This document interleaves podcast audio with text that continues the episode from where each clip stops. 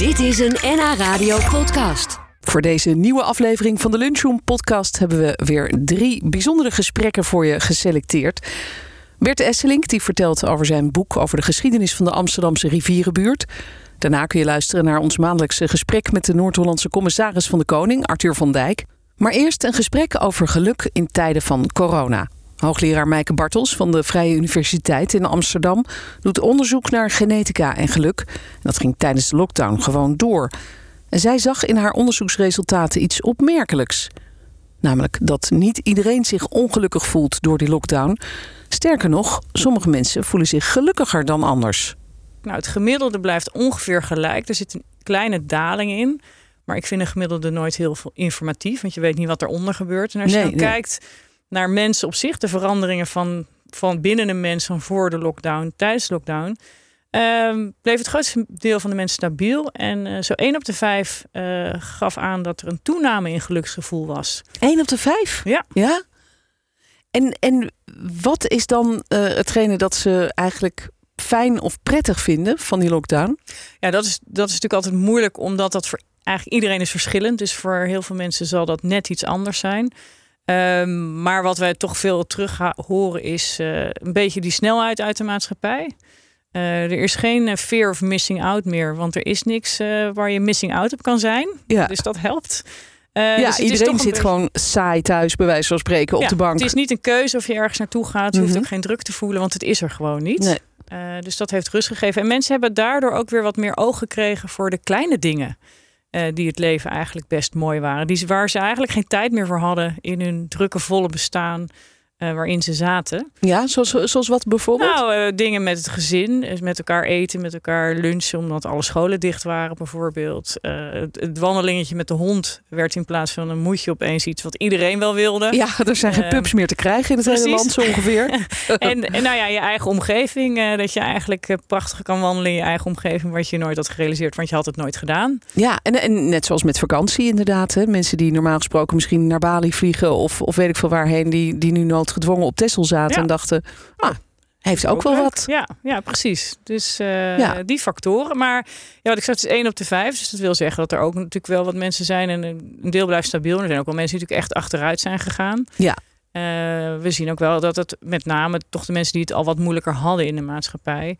eh, die zijn natuurlijk sowieso het zwaarst getroffen door alles. en en nou ja, die hebben daar ook wel nadelen van. Ja, misschien ook dat het scheelt als of je alleen bent of niet. Hè, dat, Ik Ja. kan me voorstellen als je gewoon samen bent... of je hebt een gezin of weet ik veel wat... dan, dan, dan zit je weliswaar thuis, maar, maar daar is het niet per se ongezellig. Precies. en als je ja. alleen bent, dan is het misschien wel heel Ja, lastig. er zijn de, de, nou, de, de laatste cijfers van een collega-hoogleraar bij de VU laat op eenzaamheid ook niet hele schokkende cijfers zien. Er is niet een schokkende toename. Maar dat is altijd over het geheel. Dus er zijn natuurlijk altijd mensen waarbij wel echt een duidelijke toename is. Wat dan weer in het groot geheel gecompenseerd wordt door mensen die misschien minder eenzaam geworden zijn. Omdat ze Ja. toevallig dachten, nou dan ga ik nu maar samenwonen met iemand. Ja, ja, ja.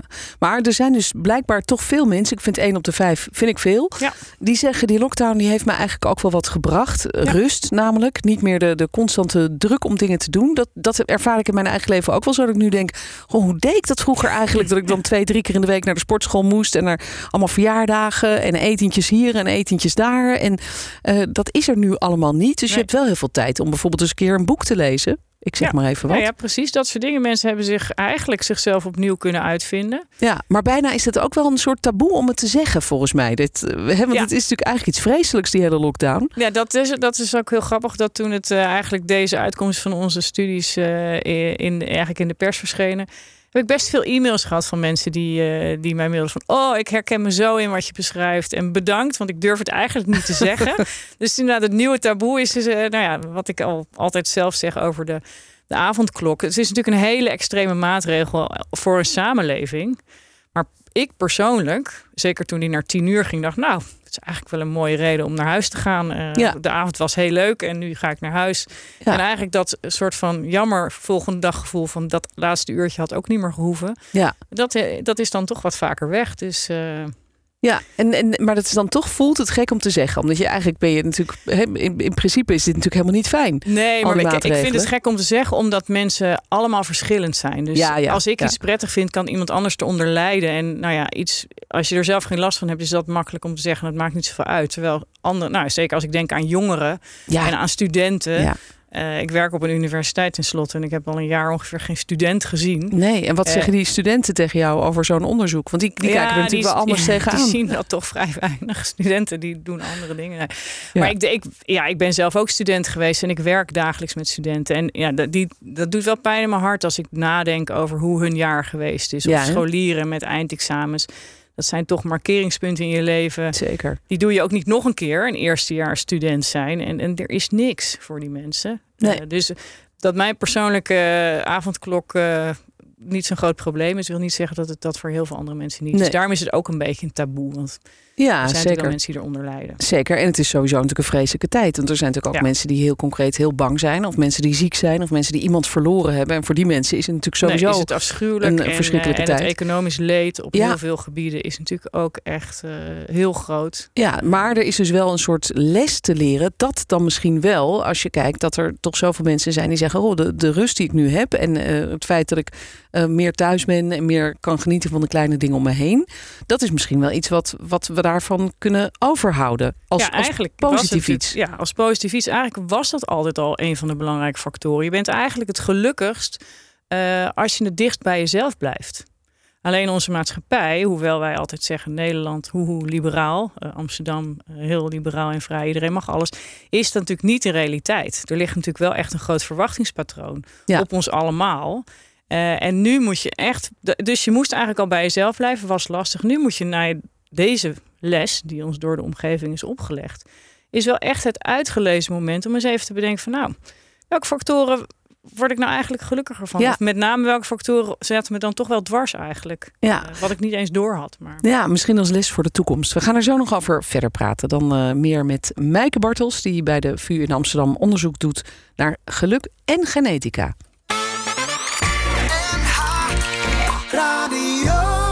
Want we horen natuurlijk vaak over de psychische problemen die mensen hebben door de lockdown. Maar 1 op de 5 geeft eigenlijk aan dat er ook wel toch wel wat winst behaald is. Namelijk de rust en het feit dat je niet meer zoveel hoeft en dat je uh, je een beetje terugtrekt eigenlijk in je eigen kokonnetje.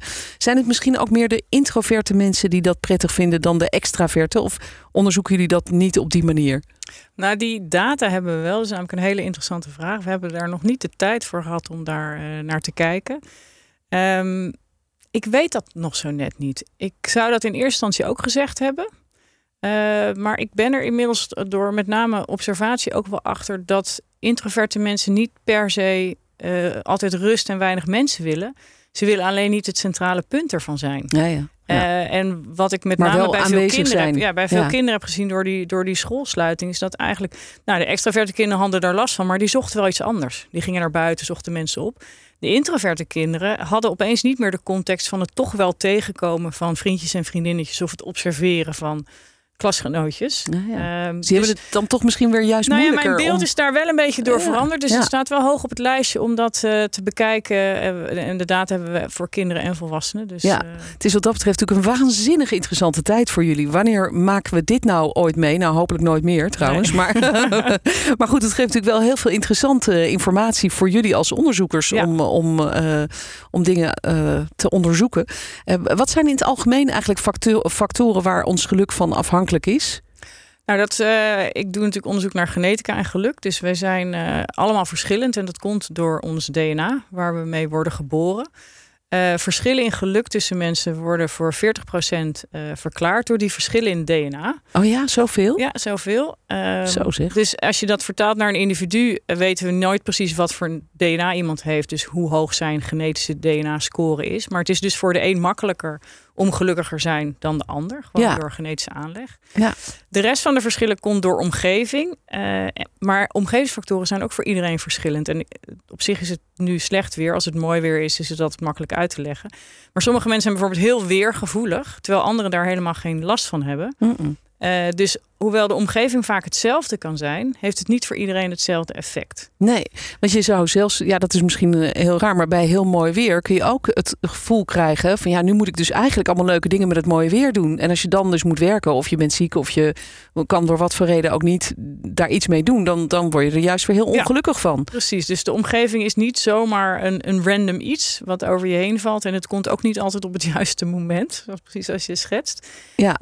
Uh, wat wel is dat, uh, is dat mensen in ieder geval er voor iemand toe willen doen. Soms zeggen mensen, ja, mensen willen veel sociale connecties hebben. Dat hoeft niet per se zo te zijn. Sommige mensen zijn heel erg gelukkig met één of twee goede connecties, terwijl anderen willen er 50 of 60 hebben. Uh, dus daar zitten dan wel weer de verschillen in. Maar je moet er wel voor iemand toe doen op de wereld. Ja, ja dat is natuurlijk wel belangrijk. Daar ja. kan ik me alles bij voorstellen. Ja. En, en, als je dan kijkt naar die coronamaatregelen. Wat is, uh, hebben jullie ook gekeken wat nou het meest uh, ingrijpt op, op het geluk van mensen? Wat mensen het meest heeft geraakt? Nou, wij zagen, wat we echt in de algemene uh, resultaten zagen, was dat uh, de, de meer vrouwen achteruit waren gegaan in geluksgevoel dan mannen. Dus het effect is groter voor vrouwen dan voor mannen. hey, en hoe komt dat? Sowieso een heel interessant. er wordt heel veel gezegd over de groepen die het meest geraakt zijn. Nou, dat ja. zijn de mensen die het sociaal-economisch moeilijker hadden. Mensen die natuurlijk ziek zijn geworden. mensen met een meer fragiele gezondheid. Uh, een groep waar men niet zo erg rekening mee was gehouden, is de, de hoogopgeleide vrouwen met kinderen. Uh, die met name door het sluiten van de scholen toch erg in gedrang zijn gekomen. En daardoor juist, hoewel de maatschappij rustig was, heel veel druk hebben ervaren van en het ja. thuisscholen van kinderen. Ja. En hun werk, wat, nou ja, hoewel veel naar huis verplaatst, toch ook doorraast. Ja, heel veel ballen tegelijk omhoog houden. Ja. Dus dat gevoel van uh, wat sommige mensen hebben van le lekker rustig, zo'n lockdown, dat, dat gold natuurlijk niet voor. Nee, voor gold niet voor. En dat is eigenlijk. Sowieso wat, uh, voor, denk ik, voor ouders van jongere kinderen. Ja. Hè, die, die uh, in de basisschoolleeftijd opeens met de kinderen thuis zaten. Ja. Hoe gezellig dat ook kan zijn. Dat gaf wel heel veel extra druk. Gaf veel extra druk. En zeker ook mensen misschien nog wel met iets jonger dan dat, waarbij de crèches gesloten waren. Nou, dan, dan houdt thuiswerken gewoon echt op overdag. Ja. Uh, en natuurlijk hebben werkgevers alles geprobeerd, maar uiteindelijk het werk gaat ook weer door. Dus ja, dat is ja. wel een complexe situatie geweest. En heb je dan het idee dat, uh, dat dat voor die vrouwen zwaarder is geweest dan voor die mannen? Want die mannen zaten even goed thuis en die hoorden ja. toch ook die nee, kinderen. dat en... uh, laten de data toch wel duidelijk zien dat wij op het gebied van emancipatie nog niet zijn waar we moeten zijn. En nee. dat is ja, dat is, zit er dan toch. Die vrouwen hebben zich denk ik toch verantwoordelijker gevoeld. Uh, en wat ik altijd zeg, emancipatie begint bij de man en met name de werkgever van de man. Uh, ik denk dat vrouwen ook meer de ruimte hebben gekregen en daardoor namen. En dat er weinig mannen, die zijn er ook hoor. Want laat ik mijn eigen man dan meteen het compliment geven. Want die heeft ongeveer de hele thuisscholing gedaan. Oh ja. En niet ik. Dus het is niet dat alle mannen dat niet hebben gedaan. Um, maar over het algemeen zijn het toch de vrouwen die dat uh, oppakken. En ik denk ook het gevoel hebben dat ze daar ruimte voor krijgen. Dus wat ik zeg, de werkgevers uh, hebben daar denk ik een hele grote rol in. Daar begint het dat al. de mannen ja. die ruimte ook moeten krijgen en nemen. Ja, die mannen kunnen zich misschien makkelijker terugtrekken in hun bubbel en op zolder zitten. Jongens, ik ben aan het werk. Ja. En, uh, en dat de vrouwen dan denken, nou ja, dan, ga ik wel een beetje redderen met die kinderen ertussendoor. Precies, ja. ja. Hey, heb je tot slot nog een, een tip voor, voor mensen die, uh, die nu luisteren misschien en denken, ja, ik heb dat ook wel met die lockdown, dat ik het eigenlijk wel lekker rustig vind, dat ik daar wel blij van word. Hoe gaan we ermee om dat die lockdown nu weer dan een beetje opgegeven wordt langzamerhand? Uh, heb je de, uh, hebben jullie daar een idee over? Wat, uh... Ja, nou normaal in, in een normale leven gaf ik altijd als tips om count your blessings. Dus ga eens nadenken over wat er goed gaat in je leven. en kijk optimistischer naar dingen. Probeer het glas half vol te zien. In dit geval kan ik mensen echt aanraden om echt de tijd te nemen. En dat is echt zitten en opschrijven van waar werd ik nou blij van? Wat heeft mij die lucht gegeven om me beter te voelen? Welke momenten voel ik me prettig, welke niet? En zo echt de balans op te maken en dan dat te vertalen naar ja. het normalere leven. En te kijken, oké, okay, hoe moet ik daar dan uh, mee omgaan? Want nou ja, wat jij zegt, ik moest zo vaak sporten en ik moest dit, ik moest dat. En ik denk het woord moeten, ja, ja. daar moet je eigenlijk van af. En dat is heel makkelijk, want zo zit de maatschappij niet in elkaar. Nee, maar, maar moeten moet eruit. Je moet er in principe naar streven om af te gaan van moeten. Ja, goed zo. Weg met het moeten. We gaan gewoon uh, lekker leven als dit allemaal voorbij is, moeten we dat een beetje vasthouden. Hè? Ja. Dat is eigenlijk de tip. Dankjewel, Maaike Bartels, dat je hier uh, was om daarover te vertellen. Over jullie interessante onderzoek dat jullie doen bij de VU. Geen dank. Wat hebben Anne Frank, Michael Jackson, Wim Kieft, Willem Holleder en Sonja Barend gemeen? Nou, ze komen allemaal voor in het boek De Rivierenbuurt. 100 jaar schoonheid en schuld. Geschreven door Bert Esselink, die zelf al jaren woont in die bijzondere buurt. Wat maakt voor hem die buurt zo mooi? Ja, nou, ik, ik denk um, dat ten eerste de hele indeling van de buurt is heel bijzonder. Als onderdeel van Plan Zuiden van Berlage. Dus de straatindeling is, is uh, internationaal wordt het gezien als een, uh, ja, echt een, een baanbrekende manier om een stad uit te breiden. Uh, daarnaast is er natuurlijk heel veel gebeurd in de buurt. Um, in de oorlog met de jodenvervolging heeft een enorme impact gehad. En daarnaast vind ik zelf heel bijzonder dat er zo ontzettend veel bekende kunstenaars hebben gewoond. Heel veel schrijvers, journalisten, beeldend kunstenaars. Ja. Dat vind ik zelf heel bijzonder. Ja, Jan Wolkers. Jan Wolkers heeft er 30 jaar gewoond. Ja. Gerard Reven. Gerard Reven heeft niet in Niet de buurt gewoond, gewoond, maar, maar heeft wel wel op school gezeten. op school, en, ja, dat eh, was het, en ja. in de avonden wordt inderdaad redelijk veel aan de buurt ook gerefereerd. Dus. Ja, ja, om maar eens wat te noemen. Ja. Nou, die, Je hebt dat allemaal eigenlijk bij elkaar ge- gebracht in Mhm. een uh, alomvattende geschiedenis. Hoe heb je dat aangepakt eigenlijk? Ja, het, is eigenlijk een beetje een uit de hand gelopen hobby en, en interesse in de buurt. Um, ik had heel vaak, ik, toen ik in de buurt kwam wonen, woonde ik vlakbij het Merwederplein. Dus het, uh, dat plein waar Anne Frank met de familie heeft gewoond.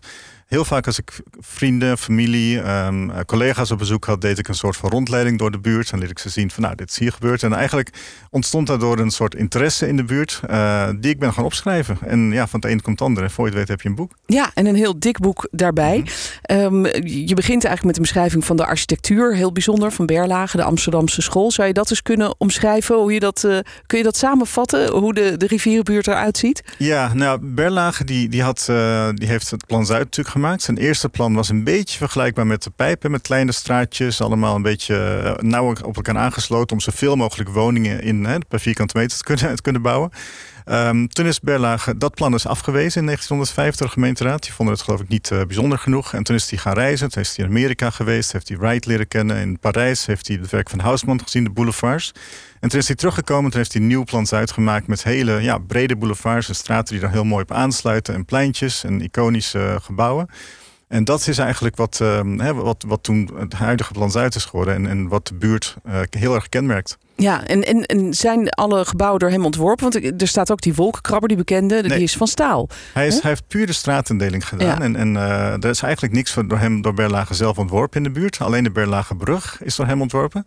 En voor de rest zijn eigenlijk allerlei um, andere architecten inderdaad in de buurt actief geweest. Uh, een architect of honderd geloof ik in totaal die allemaal met uh, woningbouwverenigingen werkt en aannemers om bepaalde woonblokken zeg maar, vorm te geven. Ja. Het hele straatbeeld is wel afkomstig van Berlage. Het idee dat je gewoon woonblokken moest hebben in plaats van allemaal aparte huizen naast elkaar. En dat is wel echt uh, Berlage's. Ja. Uh, en, de, en de ruimtelijkheid. Hè? Ja. Dat valt natuurlijk op als je door die buurt loopt. Klopt. Het zijn hele brede straten, Ja. vaak met, met, met minstens één plantsoen in het midden. Klopt. Maar op sommige plekken zelfs twee, waar dan nog weer de trams tussendoor konden. Ja, nou, zoals de Vrijheidslaan. Dat was toen het ge- aan werd gelegd. Echt de breedste straat van heel Amsterdam. En, en de, direct beïnvloed door uh, de boulevards in Parijs. Dat Ja. is echt iets wat Berlage zo heeft bedacht. Ja, je schrijft in het boek ook over uh, de dramatische geschiedenis van de Tweede Wereldoorlog Mhm. in die buurt. Uh, 17.000 Joodse bewoners die, die daar woonden voor de oorlog, die overleefden de oor- oorlog voor een heel groot deel niet. Ja, Uh, klopt. 13.000 in totaal. Mhm. Um, hoe kwam het eigenlijk dat daar zoveel uh, Joden woonden, um, zowel Joodse vluchtelingen begrijp ik als. Ja, er waren eigenlijk inderdaad twee groepen uh, Joodse inwoners van de rivierenbuurt. Nadat, nadat de buurt werd, op, hè, werd opgeleverd. Het was echt een nieuwbouwwijk uh, in de jaren 30 van de, van de vorige eeuw. Um, ten eerste waren er veel Joden uit de oude buurten in het centrum van Amsterdam... die gewoon meer ruimte wilden en wat meer, hè, wat, wat, wat luxer wilden gaan wonen. Dus er kwamen heel veel Joden vanuit de oude Jodenbuurt naar de rivierenbuurt uh, verhuizen. En daarnaast was er een enorme groep van Duitse vluchtelingen... die in 1933, hè, toen Hitler aan de macht kwam in, uh, in Duitsland... Uh, hun heil zochten in Nederland. En, en ja, natuurlijk in de nieuwbouwwijk Rivierenbuurt... met heel veel leegstand uh, terechtkwamen.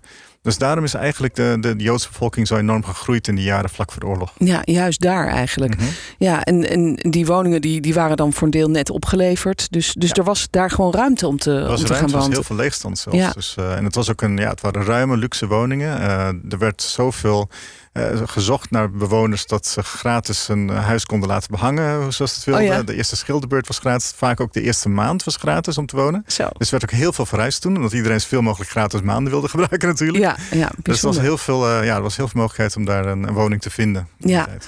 Er woonden ook veel bekende verzetsmensen in de rivierenbuurt tegelijkertijd. En daar schrijf je ook over in je boek, ja, hè? Ja, Bijvoorbeeld ja. Mie Pries. Ja, Miep Gies was nou, ik weet niet of, Miep Gies als een verzetsmens zou willen typeren. Want die heeft natuurlijk, ja, die heeft natuurlijk familie Frank heel erg geholpen. En dat is zeker verzet. Maar gewapend verzet was niet eens heel, heel veel in de buurt. Er was wat verzet vanuit communistische hoek. Hè, vanwege hè, de februari-staking die, die ontstond deels in de rivierenbuurt. Je had Gerrit van der Veen, die echt natuurlijk heel actief uh, een bekend verzetsman was. Die, de kunstenaar.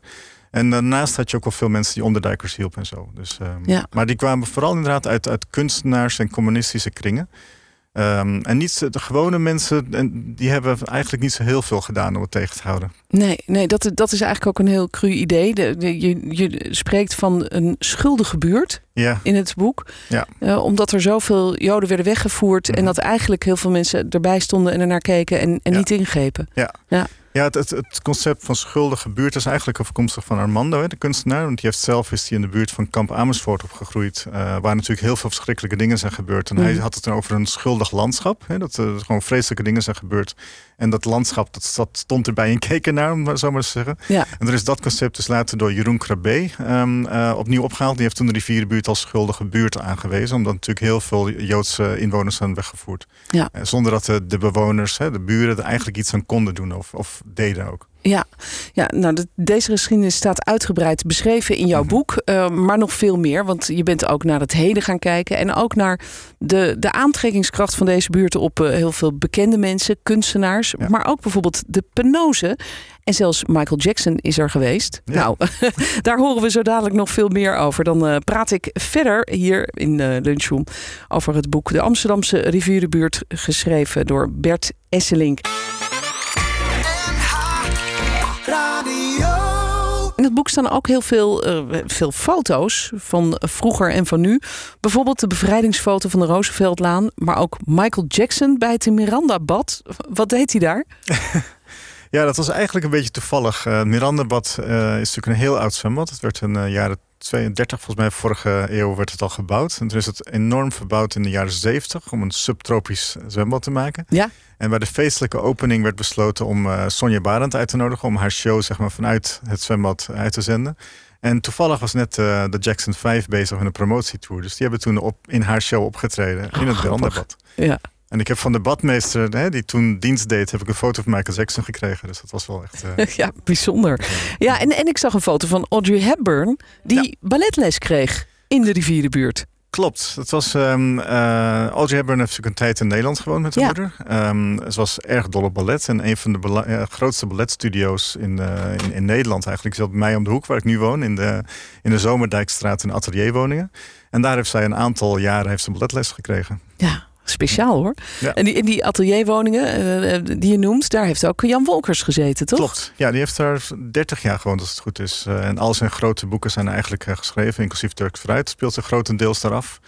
Um, het, ja, die Zomerdijkstraat met die atelierwoningen... dat waren echt woningen gemaakt door en voor kunstenaars. Um, ook op een concept vanuit Parijs gebaseerd, waar ze al bestonden. En toen is Hildo Krop met een aantal andere, de, de beeldhouwer Hildo Krop... met ja, een de stadsbeeldhouwer. andere naar de gemeente gestapt. Gezegd van jongens, ik wil, wij hebben echt een, een betere ruimte nodig voor kunstenaars in de stad. Want uh, we hebben licht nodig, beter licht nodig in de meer ruimte. Dus toen is speciaal dat gebouw um, ge, uh, ge, ge, ontworpen voor, uh, voor kunstenaars. Ja, dus, dat was eigenlijk een, een unicum, toch? Dat was, dat was niet eerder gebeurd, denk nee, ik, in Nederland. Nee, keer uh, inderdaad in Nederland. Ja. ja. ook bijzonder de bruggen in de rivierenbuurt. Allemaal ontworpen door Piet Kramer. Je hebt er een heleboel op de foto gezet. Of, mm -hmm. of nou ja, die, die foto's waren er misschien al voor een deel. Ja, uh, dat is ook wel mooi, hè? En, en ik begrijp dat de grootste brug, de Utrechtse brug... dat daar nog een verrassing in zit ook. Die, die ik nog niet wist. Ja, je bedoelt uh, wat onder de brug hangt. Ja, ja. Nou, inderdaad, de, de, bijna alles. Volgens mij heeft Piet Kramer in heel Amsterdam een stuk of 400 bruggen gerealiseerd. Dus alle bruggen in de rivierenbuurt zijn ook van hem, uh, door hem ontworpen. Met uitzondering van de Berlagebrug, die door Berlage is ontworpen. Uiteraard. Uh, ja. Piet Kramer was natuurlijk een van de eerste architecten van de Amsterdamse school. Een van de, de belangrijkste ook. Een hele bijzonder figuur. Een heel kleurrijk figuur. Hij verkleedde zich graag. En, oh ja? Het is, volgens mij een boek over die man alleen al uh, te schrijven. Nou, volgend um, project voor jou. Precies, precies. Ik zit erover te denken. En, en zijn kleindochter, grappig genoeg, die is met mijn pre, boekpresentatie. Ik heb een hele kleine kring, heb ik een soort rondleiding gedaan. Annabel Kramer, de kleindochter van Piet Kramer, is meegelopen. Dus die had ook over de bruggen van haar opa ook allemaal nog dingetjes te vertellen. Dat was heel leuk. Oh, wat grappig, ja. Um, maar de Utrechtse brug inderdaad was een van zijn laatste en grootste projecten. Dus um, over de Amstel. En uh, onder de brug is daar een, is een soort van Ja, door de Israëli, door Nederlands-Israëlitische gemeenschap. Um, er zijn een soort kokertjes met teksten opgehangen. Uh, die zeg maar symbool staan voor vrede en voor het einde van de stad. Dus uh, het is een soort van uh, ja, symbolische manier om de stad af te sluiten. En die Oh, hangen ja. ergens onder de brug. Ik heb ze nog niet kunnen vinden. maar Nee, ik heb ze ook nog nooit met een roeibootje gezien. onder de brug. Precies, ja. Moet je met een klein bootje eronder door. Oké, nou dit en, en nog veel meer eh, vinden we in jouw boek. De Amsterdamse rivierenbuurt. 100 jaar schoonheid en schuld met heel veel mooie plaatjes en verhalen erin. Dank dat je hier was om erover te vertellen. Elke laatste vrijdag van de maand dan komt Arthur van Dijk, de commissaris van de Koning in Noord-Holland, langs in onze studio om te praten over wat er allemaal speelt in de provincie. Deze keer spraken we over de drukte in de steden op Koningsdag en over de windmolens die volgens sommigen veel te dicht bij woningen komen. Maar eerst moest een andere kwestie worden besproken. Vind je het goed als ik Patricia zeg? Ik vind het helemaal prima. Eh, eh, graag Arthur, Arthur, ja. dan doen we dat. De meeste mensen kennen me ook als Arthur. Dus, ja, eh, ja, ja, ja. Nou ja, goed. Soms zijn mensen dan zeggen: ja, maar ik vind toch wel bij, vind- passen bij de functie om Ja, nee, er, zijn, te zeggen. er zijn dagen dat ik natuurlijk ook echt wel heel formeel eh, mijn werk doe. En, eh, maar zeker in de nabijheid van mensen. En nou, wij zien elkaar nu eh, regelmatig. Ja, dat, ik ben niet anders gewend dan... Ja, eh, voelt ook logischer. Ja. Ja. Ja, Ik wil het eerst even hebben over eh, deze week, de week van Koningsdag. ja, En natuurlijk weer heel anders dan eh, andere jaren vanwege corona. Heb je Koningsdag toch nog een beetje gevierd? ja, ik heb natuurlijk voor de buis gehangen. Gekeken hoe dat in Eindhoven... Ik zag mijn collega daar lopen, Ina Adema. Die nog niet zo lang commissaris is. Dus die viel met haar neus in de boter, zou je Ja. kunnen zeggen. Ja, het was een leuke dag. Hebben ze, hebben ze toch op een bijzondere manier vorm aan gegeven. Het was een prachtige dag. Eh, ik heb wel de drukte gemijd, uiteraard. Eh, ja, dus je bent toch ook een beetje. eh, ik geef je het voorbeeld als commissaris. Dus ik heb eh, keurig in de achtertuin. S ochtends heb ik lekker hard gelopen. Smiddags ben ik met, eh, met Inge, mijn vrouw, eh, een eh, lange wandeling gemaakt. En we lopen trouwens heel veel met corona. Oh ja. Ik denk dat we dat ook inhouden. Want Ja, is wel goed ik heb nog nooit zoveel met mijn vrouw gesproken als de afgelopen maanden. Want elke avond lopen we wel een paar kilometer. Wat heerlijk is dat hè? En, we ook hebben- goed en voor de relatie gegeten. toch? Het is gewoon fantastisch. Lekker samen wandelen. Nou ja, je moet kletsen. eigenlijk die, die kans van. Kijk, corona heeft natuurlijk heel veel beperkingen. maar het brengt denk ik ook heel veel andere zaken. En een van de dingen is dat wij het gebruiken om, om een beetje gezond bezig te blijven. Ja, toevallig was er gisteren bij mij in de uitzending een, eh, een wetenschapper die doet onderzoek naar geluk ook in tijden van corona. Die zei: heel veel mensen ervaren eh, een aantal aspecten van die lockdown ook wel als heilzaam. Het feit dat, dat je meer de natuur, dat je meer gaat lopen, dat je meer met elkaar bent, hè, binnen je relatie dan natuurlijk, dat dat ook wel prettig kan zijn. Maar ik kan me voorstellen dat zeker als je een gezin hebt, en dat heb je ook, Ja. dat het ook wel heel veel problemen levert. Die lockdown, scholen die dicht zijn. Ja. Ja. De, de, de, grootste. Ik heb eh, drie dochters. eh, je hebt er wel eens naar gevraagd. En eh, die oudste woont met haar vriend samen in Haarlem. En mijn jongste woont nog thuis. Die zit nu in de eindexamen HAVO. En ik heb één dochter die woont in een woongroep in, in Zwijndrecht. En met twaalf jongeren. Prachtige woongroep. Echt fantastisch hoe dat allemaal in Nederland kan. Maar eh, ja, ik heb een groot aantal maanden haar dus niet kunnen bezoeken. ja. En dan merk je wel eh, de andere kant. eh, en gelukkig zijn we gezond, hè, dus dat is allemaal prima. En morgen ga ik weer naar de toe. Meestal op zaterdag gaan we gezellig wandelen door de binnenstad van Dordrecht, et cetera. Maar dan merk je wel de andere kant van corona. Ja. Ik zie ook wel weer de voordelen. En ehm, nou, wat mij trouwens afge- afgelopen week opviel, de eerste avond dat de lockdown er niet meer was. Het was hartstikke stil op straat. Ja, dat viel mij ook op. Ik ja, zag ja. niemand. Ik zat ook Dus- te wachten van, nou jongens, het is tien uur. Iedereen kan de straat op, maar helemaal niemand. Dat Er is, was helemaal niemand. nee, Ja. dus dat is op zich ook wel weer mooi om te zien. Tegelijkertijd hadden we wel de dag daarvoor Koningsdag. En hoe heb je gekeken naar de beelden van het overvolle Vondelpark, maar ook in Haarlem, waar echt overal feesten werden gevierd. De politie moest eraan te pas komen. Ja, dat is, dat is toch wel jammer. Ik vind dat. eh, eh, het, het is echt zo jammer dat je dan echt verwacht van mensen van jongens, hou jezelf nou een beetje in. Eh, ik heb toch wel ook in de afgelopen maanden, ook in de, eh, in de ziekenhuizen en, en de bezoeken die ik zelf heb afgelegd, maar ook gewoon wat, de cijfers op televisie. Het is een beetje raar, zo'n virus. Het is er niet, maar het is er wel. En ik kom toch nog steeds mensen tegen die erdoor gegrepen worden. En als het je heftig pakt en je raakt een stuk van je longinhoud inhoud kwijt of geur of smaak eh, voor langere tijd, en sommige mensen zijn het al maanden kwijt, dat is toch Ja, een stukje vreselijk. minder eh, genieten van het leven, zal ik maar zeggen. Dus waakzaamheid is nog steeds geboden. En uh, ja, net als ieder andere Nederlander uh, wacht ik op het uh, moment dat ik ook word opgeroepen om een vaccinatie te halen. Ja, inderdaad. Ja, ik kan me voorstellen. Um, de terrassen die mochten ook weer open. heb je al op het terras gezeten met een biertje of een wijntje? Of wat drink je dan eigenlijk? Waar ja, hou je van? Achter bij mij in de tuin op het terras. Ik heb overigens een prachtig leuke tuin en een leuke buitenkeuken. We houden van koken, maar ik heb nog niet op het terras gezeten. Ik ben niet iemand die dan als first offender zeg maar, uh, uh, op zo'n terras wil gaan zitten per se. Nee. Um, het is wel weer fijn als straks in Amsterdam, in, in andere steden, uh, die gezelligheid weer op straat is. Ik denk dat, dat, dat we dat het meest gemist hebben. Aan de en dat andere spreidt kant, misschien ook de drukte weer een beetje in de parken. Ik ga je wel vertellen, die restaurants, en, en ze moeten wel allemaal aan de bak. Want uh, als ik kijk naar de goede slager, de groenteboer, die hebben best goede zaken gedaan Zeker. de afgelopen maanden. Ik denk dat heel veel mensen wel een stuk kritischer zijn geworden als het gaat om eten en de kwaliteit Ja, van eten. ja, ja, in ieder dat geval eh, hebben ze aan mij een tough cookie als het gaat Ja? als het niet goed genoeg is, bij Ja? wijze van spreken. Stuur je wel eens dingen terug? Nou, als ik, als ik ervoor betaal en het is niet goed, niet warm, niet lekker. Ja, dan vraag ik wel van, joh, eh, was dit de bedoeling? En als iemand dan zegt, ja, dat was de bedoeling. Dan zeg ik, nou, dan, dan kom ik hier waarschijnlijk niet meer terug. Nee. Maar ik kom ook mensen tegen die, die dan zeggen, nee, dat, dat was inderdaad de bedoeling niet. En ja, dan gaat het wel om gastheerschap, eh, hoe je het tot oppakt. En mensen dan Ja, zeker, eigenlijk eh, meeneemt. Ja. Maar ik denk dat de lat bij heel veel Nederlanders toch een stukje hoger ligt als het gaat om de kwaliteit van voedsel. Ja, nee, dat, dat is zeker. Ik heb wel eens gehoord van slagers die bijvoorbeeld zeiden... ja, we verkopen opeens heel dure soorten biefstuk... die je normaal nooit verkoopt eigenlijk. over- En, je moet dan wel weten hoe je het klaarmaakt thuis, want anders heb je nog een schoenzol op je bord liggen. Ja, Dus wat dat betreft moet je er wel je best voor doen. eh, ben je daar goed in? Of is dat eh, Ja, voor ik ben- moeder de ik ben vrouw een- die dat... Ik mag eh, geen reclame maken, maar zo'n groen ei. ehm, daar ben ik echt fan van. Die Ja? heb ik al sinds, eh, ik denk al, al, nou misschien wel 15 jaar eh, of 12 jaar, ik weet het niet precies. En ik vind dat heerlijk om eh, met een lekker stuk vlees, maar ook groenten of eh, te bereiden op, eh, op zo'n kamado, zoals dat heet. Ja. Dat is echt mijn ding. Lekker. Eh, pizza's, alles. En eh, nou, ik zou zeggen, kom een keer langs. Dan, eh, dan, gaan we afspreken. Dan, dan kunnen we live uitzenden vanuit de buitentuin. Helemaal leuk. En dan de commissaris van de Koning aan de Green Egg. Helemaal goed. Straks praat ik verder met Arthur van Dijk. Hij is onze commissaris van de Koning in Noord-Holland. En dan gaan we het ook nog even hebben over wat ja, serieuze zaken. Want bijvoorbeeld de windmolens, daar is veel over te doen. En ik heb ook nog wat vragen van luisteraars. Die gaan we dan beantwoorden zo dadelijk. Veel mensen maken zich zorgen over een besluit van de provincie om de afstand tot woningen te verkleinen van 600 naar 350 meter. Vorige week was er een virtuele inspreekavond met 128 bezorgde insprekers. Nou, volgens mij hebben jullie dat niet eerder meegemaakt, toch? Zoveel insprekers, dat was echt een unicum volgens mij. Zeker. En eh, het is ook heel knap hoe dat eh, door de Griffie eh, van de provincie allemaal in goede baan is geleid. Eh, en dat is ook aardig gelukt. Er hebben mensen wat gegroepeerd.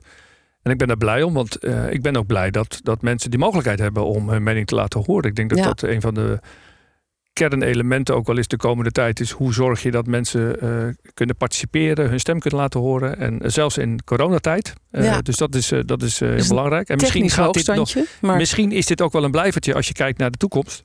Ja, maar, maar wordt er dan ook echt geluisterd, vroeg ik me Zeker. af. Want eh, kijk, denk- mensen maken zich echt grote zorgen over die, over die afstandsregels. Ja. Eh, 128 insprekers. Morgen zijn er weer drie protestwandelingen in Amsterdam tegen de windturbines.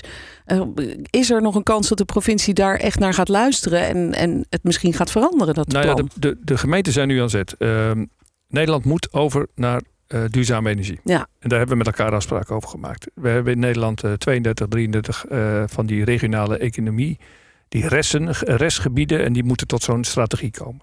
Daar liggen er twee, Noord-Holland-Zuid, Noord-Holland-Noord. En daar zijn zoekgebieden benoemd voor alternatieve vormen van energie. Ja. Waaronder andere wind, maar ook zonneweiden.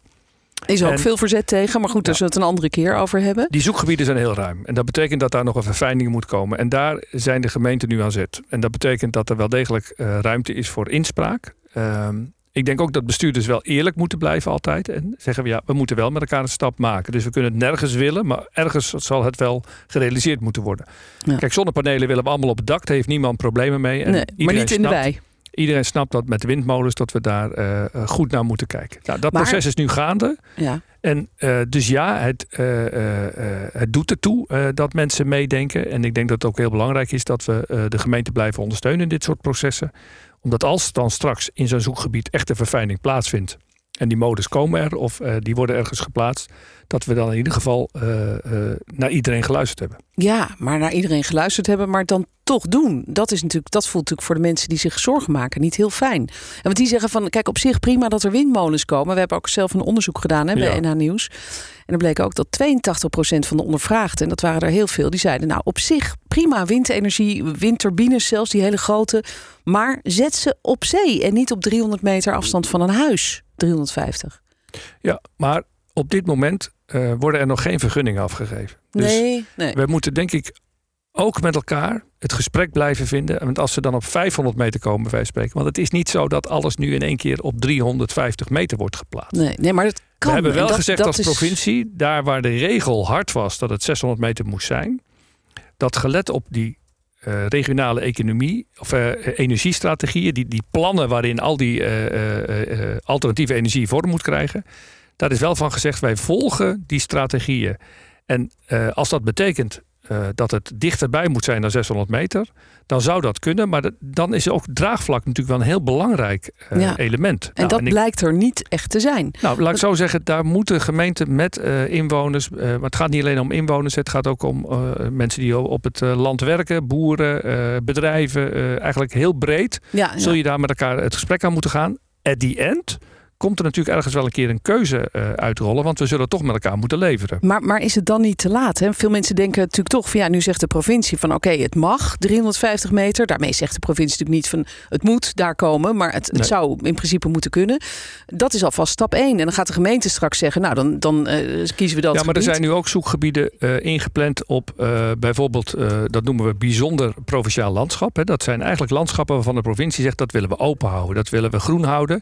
En wat we zien is dat uh, ook daar soms zoekgebieden gepland zijn. Ja, en dat zal waarschijnlijk in de praktijk op die plekken ook niet gaan gebeuren. Nee. Dus, uh, maar Bente, zou je niet zelf zeggen van... Ik ga gelijk weer u zeggen. Ja. Uh, zou je niet zelf liever zeggen van... Nou ja, wij nemen als provincie een soort standpunt in. Wij vinden het niet gewenst dat er windmolens op 350 meter van een huis komen te staan. Uh, want hè, er zijn allerlei uh, redenen voor te bedenken. Hè, die, die, die, die diepe trillingen en zo. Mensen maken zich zorgen over hun gezondheid.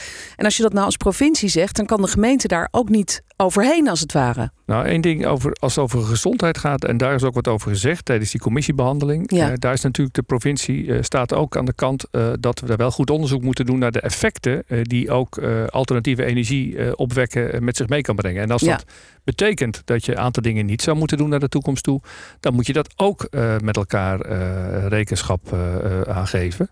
En ik denk dat de provincie heeft geprobeerd om het proces van onderaf nu maximale ruimte te geven. Maar uh, ik denk niet dat dat gaat betekenen dat in één keer al die gemeenten allemaal die grens van die 350 meter gaan opzoeken. Omdat Nee, ze, tuurlijk. dan komen ze een hele bevolking tegen. Dus Ja. dat is juist de bedoeling dat ze daar ergens tussenuit, uh, tussenin uit gaan komen op een, op een manier dat het toch maximaal draagvlak is. Maar uiteindelijk, en dat is ook politiek, we moeten met elkaar, ook voor onze kinderen, uh, zorgen dat er een uh, gezonde wereld overblijft. Dus we zullen toch ook iets moeten doen aan, aan, ja, aan die energietransitie. Ja, we krijgen gelijk ook weer een reactie van de luisteraar die zegt: Ja, kunnen ze niet gewoon allemaal op zee? Dat uh, willen we veel liever, niet in de buurt. Nou goed, Ja. ik, ik, laat ik zeggen, eh, er wordt nog heel veel over gesproken, natuurlijk. Uh, ook op gemeentelijk niveau. Wij komen er vast ook nog wel eens Dat over te ook, ja. spreken. Want ik wil het ook nog even hebben over de week die voor ons ligt. He, we zijn aan het terugkijken geweest op de maand, maar de week die voor ons ligt is ook belangrijk. We zouden het ook nog hebben over woningbouw. Laten we dat de volgende keer even doen. Dan hebben we daar wat meer tijd voor. Um, volgende week is namelijk ook een belangrijke week. Dan hebben we de dodenherdenking Ja. op 4 mei. Gevolgd door Bevrijdingsdag natuurlijk op 5 mei. Um, hoe, hoe sta je zelf stil bij de oorlog en de bevrijding? Is dat een belangrijk thema in je leven? Ja, uh, eigenlijk heel erg en nog veel meer geworden. Want vorig jaar was het 75 jaar Ja. vrijheid. Dus toen hebben we extra aandacht gegeven aan, uh, aan dit onderwerp. Maar ik hecht wel heel veel waarde dat mijn kinderen op, opgroeien in een land waar je jezelf kunt zijn. En waar je de dingen kunt zeggen zoals je uh, met respect naar de ander natuurlijk. Maar wel uh, nou, dat je echt vrij voelt. In de dingen die je wil doen, in je eigen ontplooiing, uh, in alles. En dus vrijheid is heel veel waard. En we zien op heel veel plekken in de wereld dat die vrijheid nog wel eens ter discussie staat. Dus die 4 mei, vind ik, is altijd toch wel weer een heel bijzonder moment. En ik vind het ook heel knap hoe we in Nederland uh, toch ook weer proberen om jongere generaties daarbij te betrekken. Ja. En uh, zelf zal ik uh, ook op de Dam zijn 4 mei. En het cortège, zoals dat heet, met het Koninklijk Echtpaar meelopen. En Gerdy Verbeet, de voorzitter van 4-5 mei-comité, de burgemeester van Amsterdam en de Eerste Tweede Kamervoorzitter. Dus met elkaar zullen we dat weer zonder publiek doen. Wat vorig jaar eigenlijk al een hele bijzondere gebeurtenis was. En misschien Heel ook wel een soort van extra lading gaf aan, aan het feit dat, uh, ja, dat, dat vrij zijn dat dat heel belangrijk is. En daar staat natuurlijk 5 mei dan uh, achter, komt daar achteraan. Nou, dat is eigenlijk heel jammer. Hè. Ik had je graag uitgenodigd als je dan kijkt op het Vlooiveld bij ons, het gras voor. Al meer dan 40 jaar een van de, oudste bevrijdingspop van Nederland uh, in Haarlem.